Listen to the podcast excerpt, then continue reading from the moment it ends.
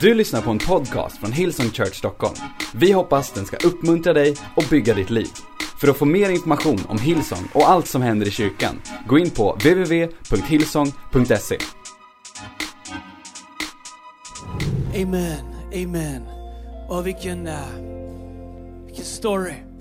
Jag bara har en känsla av att vi, det kommer en dag när vi ser en film till, när vi ser eller hör någonting mer om vad Gud har gjort. Därför att jag vet en sak, Gud gör inga halva mirakler. Och du vet hela, hela idén och hela grejen med, om jag bara får ta en minut i början av min predikan och vara pastor till våran kyrka. Prata till alla i våran kyrka, Hillsong och även till dig som kanske tittar. Men först och främst till våran kyrka. Vi kallar det här Miracle May. Därför att vi är en kyrka som tror på mirakler.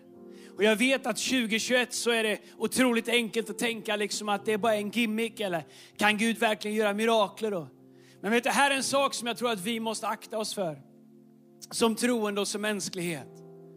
Jag tror aldrig har det funnits kanske en generation eller några generationer som lever samtidigt som har trott att vi vet bättre än vad vi gör just nu. Och det är enkelt att läsa Guds ord och titta på Guds ord och, och tänka att de, de förstod inte så mycket då.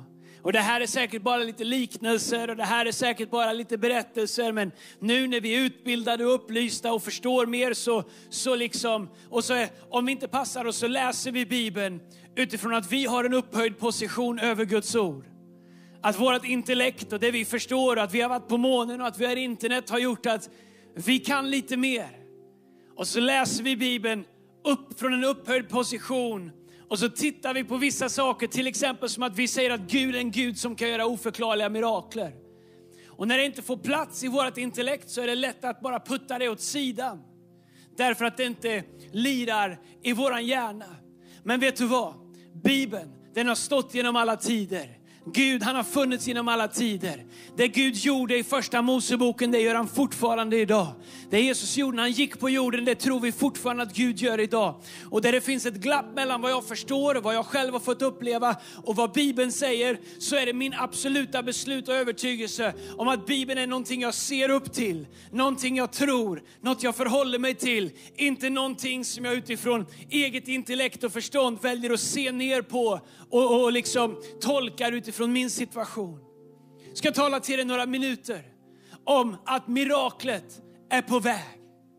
Du kan enkelt bocka av det och säga okej okay, det blir ett peptalk och att miraklet är på väg. Men lyssna, för den som vill och för den som vill ta tag i vad jag ska säga de närmsta minuterna så är jag här för att deklarera att miraklet är på väg. Vi kallar det här Miracle Sunday, finalen på Miracle May. Många människor, tusentusentals människor har skickat in bönen, en del av dem står på väggen här. Alla har vi bett för hela tiden, hela maj. Många, många människor, hundratals, kanske tusentals människor har skickat in bö, eh, tack, eh, eh, tack, tack, bönesvar som Gud har gett.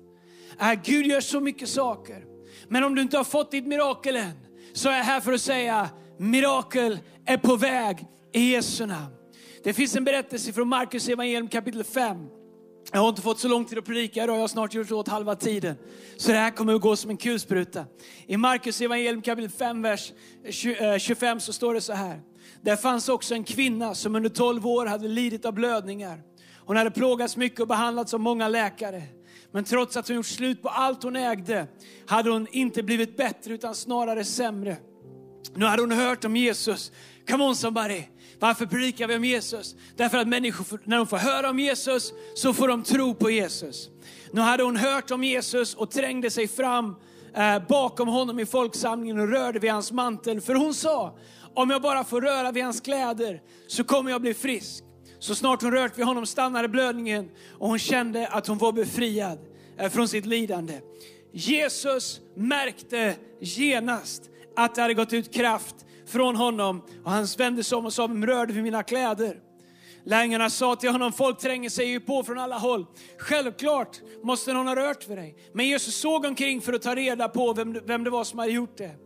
Kvinnan blev förskräckt eftersom hon visste vad som hade hänt med henne. Men hon kom darrande fram och föll ner för, hans, för Jesu fötter och berättade hur allt hade gått till. Då sa Jesus till henne, min dotter, din tro har gjort dig frisk. Gå i frid, bli helad från ditt lidande. Jag ska prata om fyra saker om ditt mirakel som vi kan lära oss från den här storyn och som jag ser när jag läser den här storyn.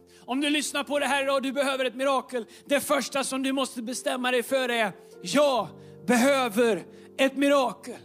Du vet, så är det en sak att be om saker. Jesus, du kan väl kanske. Jesus, det vore fint om du kanske kunde hjälpa till. Men det är någonting med den här kvinnans tro. Hon har prövat allt annat, hon har spenderat alla sina pengar och hon kommer till Jesus i övertygelsen om att jag behöver ett mirakel och Jesus kan göra det för mig. Du vet, ibland så tror jag att Gud inte svarar på våra böner därför att vi har inte bestämt oss för att vi behöver ett mirakel. Vi tänker att Jesus säger, du kan väl vara en del av min lösning som jag har. Jesus kom och hjälp mig. Men ibland behöver man bara stanna upp och säga, vet du vad? Jag förnekar inte mitt behov. Jag behöver ett mirakel. Och när du tittar på din situation och du känner kanske desperation över att du inte vet vad du ska göra, då kan du välja att lägga dig ner och säga det går inte längre, jag kan inte längre, jag orkar inte längre, jag klarar inte längre. Eller så kan du göra som kvinnan gjorde, kasta dig på Jesus och säga, jag är här Jesus och jag behöver ett mirakel i Jesu namn. Det andra som jag ser i den här berättelsen, det är att hon bestämmer sig för att lyfta Jesus över sitt problem.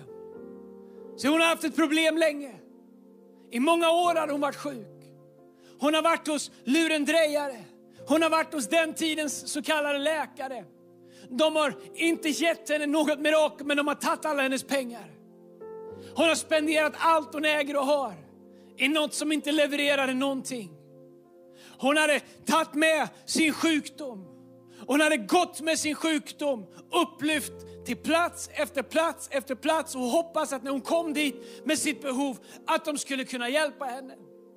Men så står det att hon hörde talas om Jesus. Vet du varför vi sjunger om Jesus? Jesus Krist, hörnsten är, svag blir stark i frälsans hand eller arm eller någonstans. Starka blir de i alla fall. Jesus, varför sjunger vi om Jesus? Varför predikar vi om Jesus? Varför ber vi i Jesu namn? Varför ber vi inte bara till Fadern? Varför pratar vi inte bara om han som är god? Om han som är kärlek, även om han är allt det. Nej, vi säger hans namn. Han heter Jesus. Därför att det är han som har det namnet som är över alla andra namn. Som är över alla andra problem. Den här dagen så kommer hon inte bara till en god man. Hon kommer till Jesus och hon tar med sitt behov till Jesus och hon tänker om jag bara kan röra vid honom. Så hon lyfter Jesus över sitt problem och hon säger, får jag röra vid honom? Så kommer kraften flöda rakt ner i mitt problem. Vi förnekar inte våra problem. Vi förnekar inte våra behov. Men ibland så behöver vi sluta fightas för ett mirakel. På det sättet att vi tror att vi ska hitta en egen väg till ett mirakel. Ibland är fighten, har jag känt det så ofta i mitt eget liv, ibland är den stora fighten att våga och orka hålla Jesus högre än vårat problem. Våran fiende vill elevera våra problem. Och han vill lyfta upp dem och säga att dina problem är större än någon annans problem. Och han vill få dem att se så stora ut. Lösningen på att få våra stora problem att bli mindre, det är att fortsätta att fightas för att lyfta upp Jesus över våra problem. Hur stora, hur omöjliga de än är, vilka läkarrapporter vi än får, hur illa situationen än ser ut, så kan vi lyfta någonting som är större. Ingenting i våra liv kan någonsin bli så stora att de blir större än Jesus. Större än hans kraft, större än hans godhet, större än hans kärlek, större än hans uppståndelsekraft i ditt liv. Men du och jag måste fightas för att lyfta Jesus upp. Kvinnan gjorde det. Det tredje vi behöver göra, det är att ibland måste vi våga ta ett steg i tro. Tänker på Naman. Profeten säger till Naman, han är spetens, gå och doppa dig i Jordan. Och här älskar, jag skulle kunna predika om Naman varje söndag.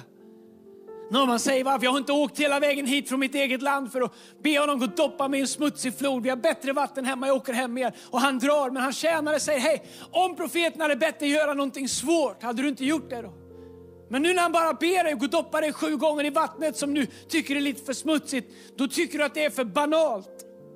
Sin Naman låter sin mänsklighet ta över. Så doppar han sig sju gånger så blir han helad. Vet du hur man får ett mirakel? Man tar ett första steg. Så jag upptäcker upptäckt så ofta i mitt liv, när jag tar mitt första steg, då tar Gud alla andra steg. Petrus, Han gick inte på vatten medan han var i båten. Petrus gick på vattnet när han tog sitt första steg. Då, det Thomas första steg ut ur tvivel. Det var när han sträckte ut sin hand och rörde vid Jesus, när han kom honom till mötes. Kvinnan hon kommer till Jesus. Hon tränger sig genom människor, hon tränger sig förbi crowden. Hon kanske kryper dem på fötterna. En kvinna i den tiden hade inte det värde som en kvinna skulle ha och som tack gode Gud de har nu. Hon kanske inte ens var välkommen där, kanske människor puttade bort henne. Hon var spetare, eller förlåt, hon var inte spetälsk, men hon var sjuk. Och när man var sjuk på den tiden så blev man marginaliserad, men hon struntade i det. Hon trängde sig fram i tro, för att hon visste att får jag röra vid honom så kan han göra mig hel. Hon tog ett steg i tro. Förstår, vi kan inte träffas än. Om bara Jesus och Tegnell gör det bara de kan göra, eller på att säga, så kan vi börja ses. Kanske starta mikromöte snart igen, kanske starta samlingar. My God, om jag får 50 pers i ett rum att predika för, då kommer jag predika som om det vore en hel kontinent. Men du förstår, om du behöver ett mirakel, så kommer allt på insidan av dig vilja få dig att dra dig undan. Det är det som händer med oss när vi behöver någonting. Vi drar oss undan. Men du vet, ett steg i tro är alltid ett steg mot mirakel. Du vet, ibland om det enda steget du kan ta är att komma till kyrkan och bara stå i lovsången. Eller sitta i lovsången om det är allt du klarar. Eller just nu, om allt du klarar är att sätta dig i soffan, slå på eh, Hillsong och vara med i mötet. Du kanske inte ens orkar att sjunga, men du är åtminstone där. Oavsett var vi är så finns det alltid ett steg i tro som vi kan ta. Och jag skulle vilja utmana dig, du som står i tro för ett mirakel. Ta ett steg. Fienden säger till oss, du orkar aldrig ta alla steg. Och vi känner, nej det är sant, jag orkar aldrig ta alla steg. Men Jesus säger bara, du behöver bara ta ett steg i tro. Allt hon gjorde för att bara nudda vid hans, vid hans kläder, vid hans mantel. Det fjärde och det sista som jag älskar, det är att det står, Jesus märkte genast. Jesus märkte genast att det var någon som i tro rörde vid honom. Du ska inte tro att när du kommer till Gud, att Gud inte hör din bön. Du ska inte tro att när du kommer till Jesus och, och, du står inför han som älskar dig mer än du älskar dig själv, mer än någon annan kan älska dig. Du ska inte tro att när du ber till honom att han inte hör dig. Jag älskar att det står att Jesus märkte genast. Det var lärjungarna sa, Andreas, eller de sa inte Andreas, lärjungarna sa att det är folk överallt här. Alla rör vid dig, alla drar i dig. Men Jesus sa, nej, nej, nej. Det var någon som tog i mig på ett annat sätt. Det var någon som rörde i tro i mig. Han märkte genast. Lyssna på det här i Daniels bok kapitel 10. Jag ska avsluta med det här. Till alla er som väntar på ett mirakel. Till alla er som har ett mirakel som är på väg. Daniel, rättfärdig inför Gud. Han går inför Gud, han fastar och han ber och han ropar till Gud. Han säger Gud, vi behöver dig här. Gud, kom hit. Gud, grip in. Gud, gör vad bara du kan göra. Men ingenting händer. Han ber och han ber och han ber och han ber och han ber och han ber och han fastar. Han ber och han fastar. Helt plötsligt så kommer Herrens ängel till honom. När han minst anar. Och Herrens ängel säger, Daniel, vi hörde din bön från första stund. Vi hörde din första bön. Bra att du har fortsatt att be Daniel. Men det var inte så att Gud hade svårt att höra. Det är inte så att liksom Daniel var tvungen att fylla en kvot för att Gud skulle agera. Men här är vad eh, Herrens ängel säger. Han säger Daniel, vi hörde din första bön. Direkt när du bad så gick den rakt in i tronrummet. Gud hörde din bön. Men när Gud skulle skicka ett svar så säger Bibeln att försten över Persien, alltså onda makter, försöker hindra det Gud ville skicka. Så, så Herrens ängel säger, jag fick be Mikael, ängeln, stridsängeln, komma och hjälpa mig. Och i 21 dagar tog det oss att bryta igenom det som försökte hindra Gud och komma till dig. Mörkrets makter, de onda planerna, allt det negativa som försökte stå emot. Det kunde inte hindra oss, men det tog lite längre tid. Därför är jag här idag för att säga till dig att Gud har redan hört din bön. Därför att Jesus märkte genast vad kvinnan behöver. Därför så måste du förstå att även om bönesvaret dröjer så betyder det inte att det inte är på väg. Gud kanske måste fightas mot lite saker och ting. Han kanske måste ordna lite saker i det osynliga så att han kan göra det manifesterat i det synliga. Lyssna på mig min vän.